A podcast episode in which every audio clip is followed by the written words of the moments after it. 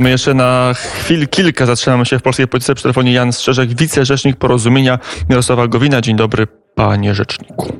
Dzień dobry, panie redaktorze, dzień dobry państwu. Panie radny, również, bo taką funkcję pan sprawuje w polskim samorządzie. Mm, Czy porozumienie pana wicepremiera Jarosława Gowina popiera założenia i projekty ustaw, które będą zgłoszone przy okazji Nowego Ładu? Tak, panie redaktorze, to jest e, seria ustaw, która została wypracowana przez e, całą koalicję Zjednoczonej Prawicy, więc my jako porozumienie również e, te ustawy popieramy. To jest absolutnie naturalne. E, Poseł Andrzej Sośnierz ma inne zdanie. Dzisiaj rano w rozmowie dla Rzeczpospolitej mówił, że to może być katastrofalny program.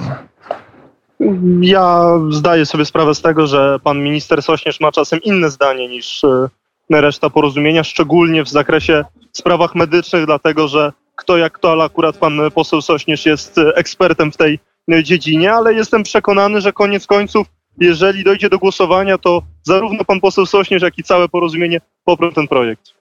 Ale czyli kierownictwo porozumienia e, daje placet, że to, co podpisano wczoraj, będzie realizowane, że będą głosy posłów porozumienia pod tymi ustawami.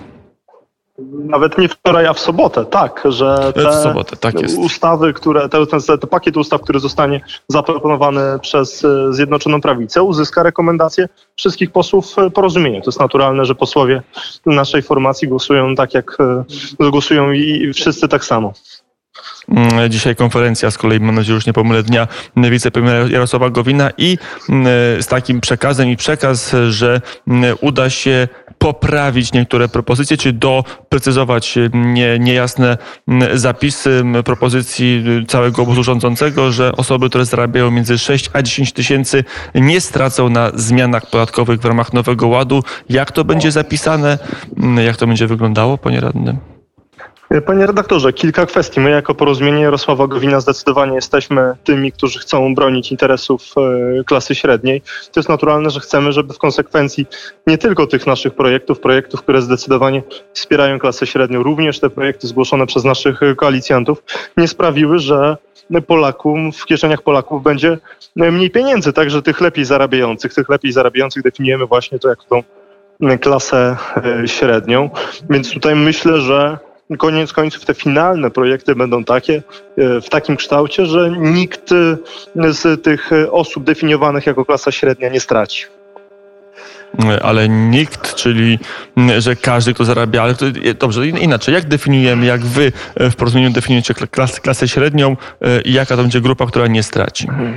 My definiujemy jako te osoby zarabiające między 6 a 10 tysięcy złotych e, miesięcznie i założenie jest takie, że nikt z nich nie ma stracić. Jeżeli byśmy spojrzeli na to, kto ewentualnie najbardziej może zostać poszkodowany przez takie projekty jak wyższa kwota wolna od podatku czy zwiększenie kwotu drugiego progu podatkowego, to zobaczymy, że najbardziej traci Skarb Państwa i samorządy. Ale my w porozumieniu filozofię mamy następującą.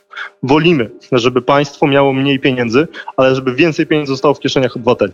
Więc takie projekty są zdecydowanie zgodne z naszym DNA. A to jest już przyjęte, czy to jest teraz dyskusja? Bo od tego rozpoczęliśmy dyskusję, że, czy rozmowę naszą, że porozumienie jest za tymi zmianami, a teraz, jak rozumiem, odbywa się jakaś też dyskusja, jak te zmiany e, w praktyce zrealizować. Kierunkowa decyzja została podjęta, możemy się spierać w kwestii szczegółów. W sensie wiemy, w którą stronę ten okręt, jakim jest Zjednoczona Prawica, płynie. Ewentualnie możemy mieć delikatne korekty co do kursu, efekt i cel. Mam wrażenie, wszyscy mamy tacy sami w Zjednoczonej Prawicy. I jest e, spór o te szczegóły między bardziej e, socjalnym prawem, prawem i sprawiedliwością, a bardziej liberalną, e, liberalnym porozumieniem? No, jestem przekonany, że również e, ta socjalna część Zjednoczonej Prawicy, e, nawet bym powiedział większa, czyli ta związana z Prawem i Sprawiedliwością i Solidarną Polską, również zdaje sobie sprawę z tego, że dobrobyt e, państwa, dobrobyt narodu bierze się z pracy. I właśnie bardzo często z pracy klasy średniej, więc klasa średnia nie może być pokrzywdzona przez różne decyzje rządu. My jako porozumienie do tego nie dopuścimy, a jestem przekonany, że ten punkt widzenia rozumieją nasi partnerzy z Prawa i Sprawiedliwości. Ostatnia kwestia.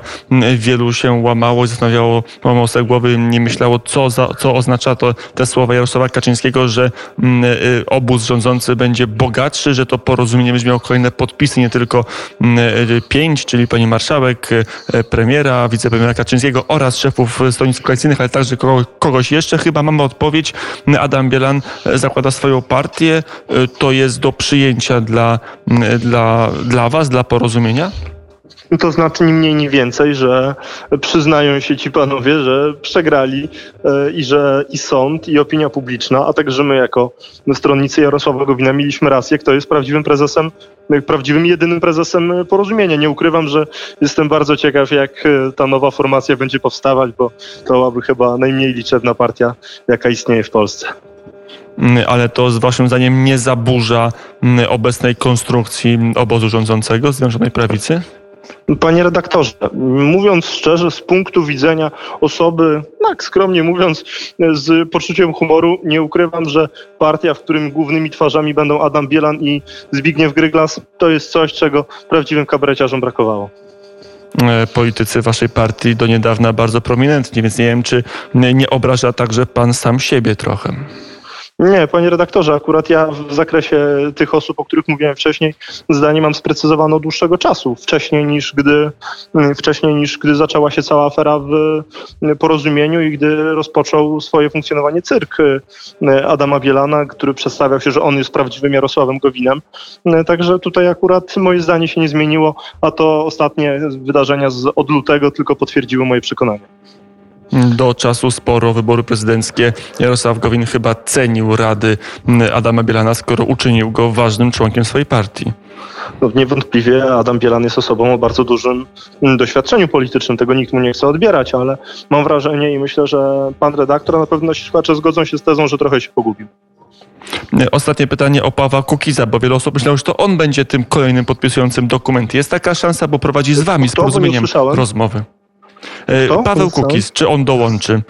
do Was. Ja uważam Takie akurat, że gdyby środowisko Pawła Kukiza dołączyło do Zjednoczonej Prawicy, czyli również grupa o poglądach konserwatywnych w sferze światopoglądowej i wolnościowych w zakresie gospodarki, to byłoby tylko wzmocnienie Zjednoczonej Prawicy. Powiedział Jan Strzeżek, wicerzecznik Porozumienia. Dziękuję bardzo za rozmowę. Kłaniam się nisko, życzę miłego popołudnia. Nawzajem, do usłyszenia.